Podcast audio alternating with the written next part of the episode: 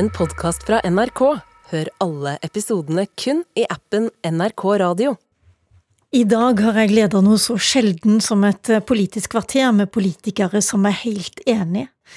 For ett år etter at Russland invaderte Ukraina, så må vi jo si at det har vært ganske brei enighet blant norske politikere.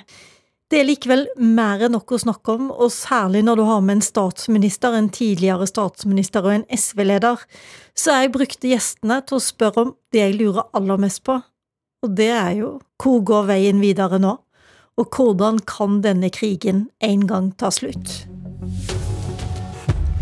Ja, Det er store spørsmål, men så har vi også et knippe av landets mektigste politikere som skal prøve å gi oss et svar i dag.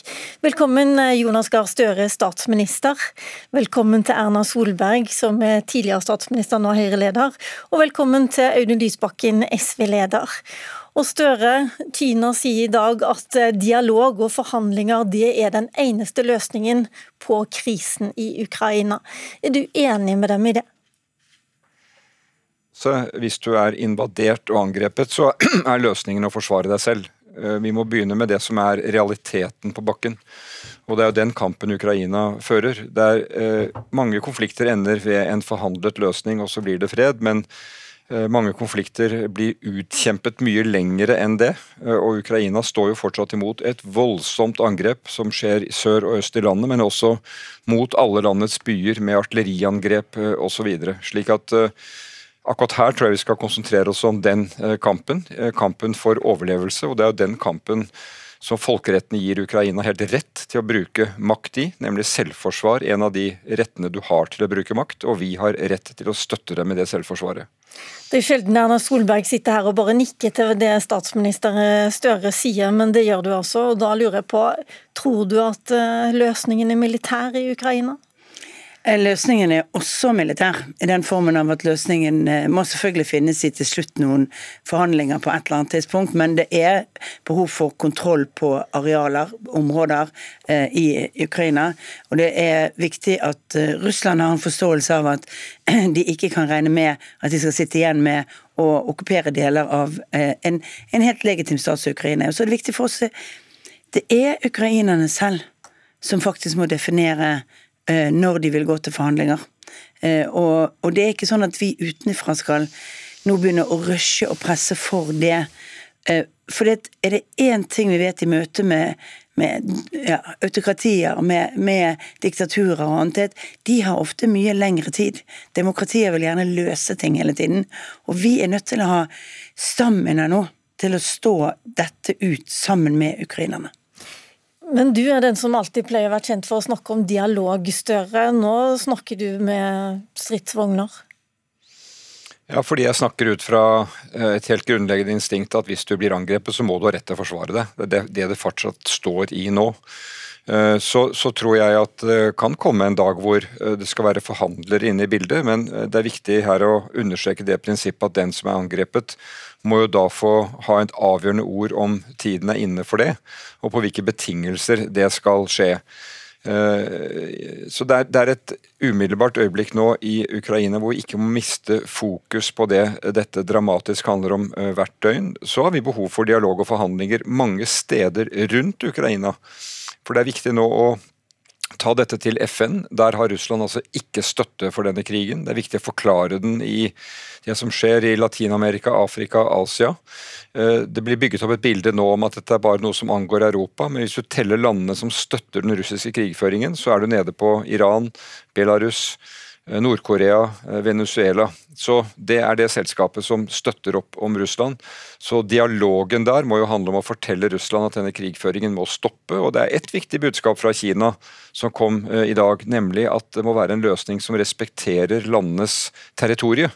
Og Det er jo et kraftig budskap til Russland, som både har annektert Krim og nå står langt inne på grensene til Ukraina. Det må opphøre. Men fra en litt eh, nølende start, eh, Audun Lysbakken, eller da man i hvert fall snakka mye om eh, disse prinsippene om å ikke eh, ha for mye våpen inn til Ukraina fordi da kunne vi bli en del av denne krigen, så har SV og nesten alle andre partier i Stortinget, bortsett fra Rødt, nå gått med på å sende ene tyngre våpentypen etter den andre. Det siste nå er om man skal gi dem jagerfly, F-16. Det er det Ukrainas president vil ha. Bør eh, de få det?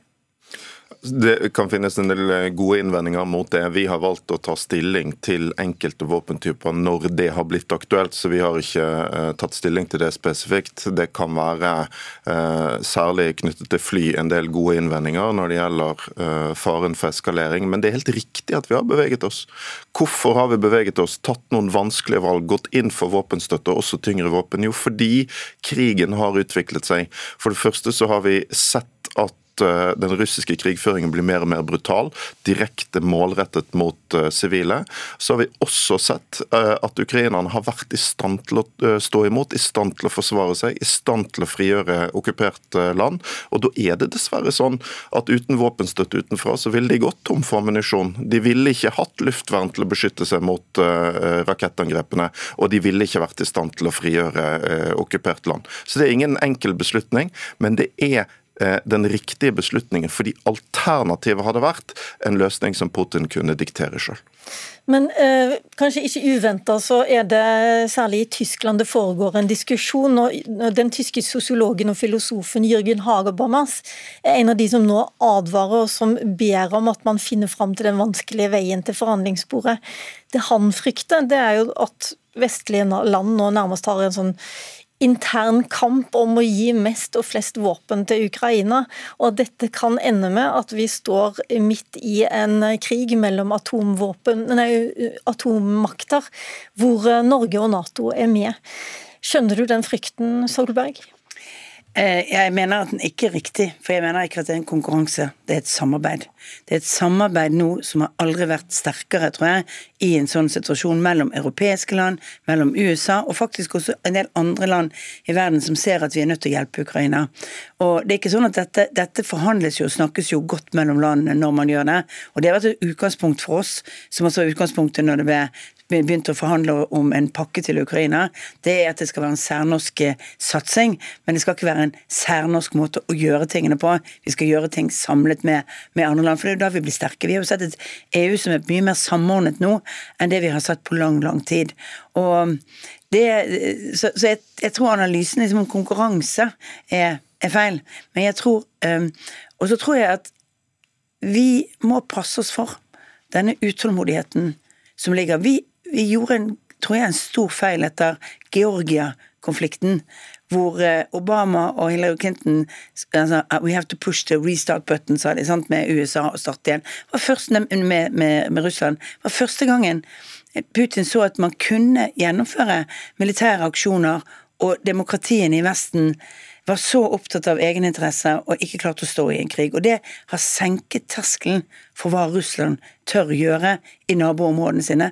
Kanskje vært bidragsytende til at de har turt å gjøre det de har gjort det siste året. Men hvor går grensa da, Støre? Når eh, kan vi ikke lenger si at eh, Norge og Nato står utenfor denne krigen? Det er jo eh, ganske enkelt i all sin brutalitet. Vi har ikke Nato-soldater i Ukraina. Vi kjemper ikke med Russland. Det er en enighet om at denne eh, konflikten ikke skal vokse inn til det. Det forstår også Ukraina. Det vil ha uoverstigelige eh, konsekvenser. Men jeg er jo enig med de som sier at man må jo tenke på hva som skal til for at du kan på sikt få til en løsning som kan slutte lidelsene, men også være varig. Så en våpenhvile i dag som gir russerne muligheter til å omgruppere, hvile seg og slå tilbake, det er jo ingen hvile eller fred for Ukraina. Eh, det er det viktig eh, å si. Og så tenker jeg at eh, det, det, samarbeidet som er vokst fram i, mellom land, det er nå veldig sterkt. Jeg tror det kan være ulike syn på hva som skal være veien videre for en europeisk sikkerhetsorden, og det er jeg opptatt av at etter denne krigen, hvordan den enn måtte slutte, så må Europa igjen tenke gjennom hvordan kan små og store land leve side om side med, eh, med trygghet mot slike angrep. Vi har Nato-samarbeidet, men det er helt åpenbart at samarbeidsordningene i Europa var ikke sterke nok til å stå imot at Russland her kunne faktisk ta seg til rette militært som de har gjort. Men det man ser i Tyskland, Audun Lysbakken, og som også skjer i flere land, det er jo at folk begynner å protestere mot uh, En ting er høye priser på mat og strøm, men også at det går veldig mye penger til Ukraina. Og den uh, debatten foregår også på venstresida. Det er klart at Putin sin store mulighet er å vente ut eh, den internasjonale solidariteten. Og Det ser du i flere land. Du ser det i Tyskland, du ser det i deler av høyresiden i den amerikanske kongressen. Eh, det vil komme press mot denne solidariteten, og det er derfor det er så viktig å eh, stå imot. Og jeg mener For venstresiden sin del, ja, det finnes deler av venstresiden i, i Vest-Europa som jeg mener ikke klarer å se hva denne konflikten er. De ser bare stormaktskonflikt. Jeg ser det på en annen måte. Jeg ser dette som et forsvar for folkerett og demokrati, men også noe som må være ekstremt sentralt for venstresiden, nemlig et oppgjør med den type autoritær sterk mann-politikk som du ser fra ytre høyre i stadig flere land. Jeg mener Det er et klart slektskap mellom eh, eh, Putin og Trump og Bolsonaro, og det du ser når du både har krigen i Ukraina, stormen på Kongressen, angrepet på institusjonene i det brasilianske demokratiet, det er at mange år med giftig retorikk er i ferd med å nå en ny fase av blod og vold. Og Da må jo venstresiden gå fremst eh, i kampen for solidaritet med de som står opp mot dette, og ikke nøle etter mitt syn. Og det gjør de ikke nå? Jo, altså den nordiske venstresiden. Eh, SV har vært veldig tydelig på dette. Men eh, det finnes jo eh, stemmer på venstresiden i en del land, og vi har også sett debatt her hjemme som jeg mener bommer på hva denne krigen er for noe. Erna Solberg sitter igjen og nikker, og jeg lurer på eh, denne enigheten som faktisk har preget Norge. Det har vært litt diskusjoner om Rødt og, og synet på våpen, men også de hadde egentlig lyst til å slutte seg til den store Ukraina-pakken på 75 milliarder kroner. Og eh, ellers så har det vært mye enighet. Hvor mye betyr dette? Jeg tror det betyr veldig mye at vi viser da vårt naboland Russland at vi ikke aksepterer denne typen brudd og overgrep som vi ser. Brudd på, på, på internasjonal rett, eh, overgrep mot eh, andre land og, og, mindre land. Men også den brutaliteten vi ser i krigføringen. Altså, De bildene vi har sett det siste året, er bilder jeg ikke trodde vi kom til å se fra Europa. Vi har hatt borgerkrig på Balkan, men vi har ikke hatt denne typen utbombete byer, eh, denne typen massegraver sånn, på samme måten som det vi ser. Det er jo ingen av krigens lovlige spilleregler som heller brukes. Det er en ulovlig krig, og det er en, en krigføring som, som, bryter veldig sterkt. Og Det er jeg glad for at det er et stort og bredt flertall i Norge som gjør. Så må vi huske at moderne krigføring den dreier seg også om splitt og hersk. Og det vi har sett over mange mange år, er at Russland har vært god på det. Russland har vært god på å fòre alle konfliktene i USA og splittingen der. Da må vi også være flinke på å se det når det skjer i Norge. Og det er dessverre sånn at min innboks på e-poster og mine sosiale medier ser nok ganske ofte at det kommer folk som har spist, som faktisk tror at eh, vi har deltatt i bombingen av Nordstrøm 2 og den typen ting. Så, så vi må også snakke om at vi har en eh, beredskap på hvordan, eh, hvordan det spilles mot oss også. Støre? For det første vil jeg egentlig få berømme eh, Erna Solberg og Audun Lysbakken og de andre lederne eh, i Stortinget som i stort flertall har stilt opp på dette. Jeg tror vi har vist noe som er viktig i en sånn tid fra norsk side, nemlig at vi legger andre motsetninger til side, og så sier vi hva er det som er viktig nå, og så kommer vi til at det samler oss. Og så har Regjeringen opplevd at vi har hatt veldig god dialog om denne pakken. og Husk på den pakken har to ting. Den har eh, støtte til Ukraina i år. Vi har fastsatt et beløp, men det er femårsperspektivet som er det viktige. Og Det er det Ukraina sier, at det at et land viser at vi skal stå ved det over tid, som er på en måte det moralske du kan sende til de som gjemmer seg i undergrunnen, de som kjemper ved fronten. Og Det har jeg merket fra mange andre land også, ser at dette er en måte å gå videre på. Og jeg tror også for ukrainere som er i Norge, de får en opplevelse at det er et samlet Norge som tar dem imot. Det er også veldig viktig. Og jeg er helt enig i at eh, Krigen kjempes på bakken i all sin brutalitet, men vi må også være klar over at eh, den trusselen vi møter mot vårt samfunn, det er en desinformasjonskrig. Det er hybride eh, krig. altså Selv Stortinget er jo blitt angrepet i sitt internettsystem, nettsystem. Eh, og Det må vi være våkne i forhold til. Og Så har vi da en veldig viktig infrastruktur å passe på, nemlig energinettverket vårt. Eh, og Det gjør Norge. Nå er Norge en veldig viktig energileverandør til Europa, så vi må være oss den rollen bevisst. Og For meg som statsminister så er jo det å vite at vi har et bredt flertall å kunne stå med her, det er en god norsk tradisjon, og den viser jo også frem styrken i nå. Vi får uh, si at det er et slags lyspunkt i en ellers dyster verden. Jeg må si en annen ting, Erna Solberg. Gratulerer med dagen. Takk skal du ha. Putin ødela kanskje den 24. februar lite grann, også for deg? Ja, men det var smått i forhold til det. Jeg hadde ikke en stor feiring i fjor. Det men eh, du skal kanskje feire i dag? Du skal markere med Ukraina-markering og appell? Det blir det viktigste i dag. Det blir det viktigste i dag. Tusen takk for at dere starta morgenen i Politisk kvarter. Erna Solberg, Høyre-leder. Eh, Audun Lysbakken, SV-leder. Og selvfølgelig takk til deg, Jonas Gahr Støre, statsminister og med oss fra Bergen. Mitt navn er Lila Sølhusvik. Takk for nå. Du har hørt en podkast fra NRK. Hør alle episodene kun i appen NRK Radio.